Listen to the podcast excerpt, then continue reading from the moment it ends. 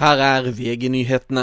Den israelske hæren sier den planlegger å sette krigføringen i deler av Gaza på pause, dette for å åpne for leveranser av humanitær nødhjelp. Hjelpeorganisasjoner beskriver situasjonen for de 2,3 millioner innbyggerne på Gazastripen som katastrofal.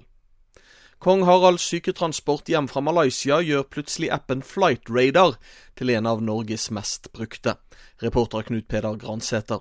Appen gjør det mulig å se alle flyvningene i verden. Søndag morgen var det rundt 7000 personer som fulgte kongens flyrute. Det er ingen andre flyruter i verden som blir fulgt av flere, og akkurat nå er flyet over Buj i India. Nasjonalforsamlingen i Pakistan har valgt 72 år gamle Shehbaz Sharif til ny statsminister. Han er yngre bror av Nawaz Sharif, som har vært statsminister i Pakistan tre ganger, og han leder partiet Pakistan Muslim League Nawaz. I dag starter den store militærøvelsen Nordic Response i Finnmark. Over 20 000 soldater fra 14 land deltar. Vegvesenet varsler om mange militære kjøretøy på veiene i fylket som følge av øvelsen. Til slutt til St. Moritz i Sveits, der Therese Johaug suverent vant sitt første skirenn på nesten to år. Justina Kowalczyk kom i mål på andreplass i rennet, mange minutter bak Johaug, som nå satser mot ski-VM i Trondheim neste år. I studio nå, Thomas Alsaker, nyhetene får du alltid på VG.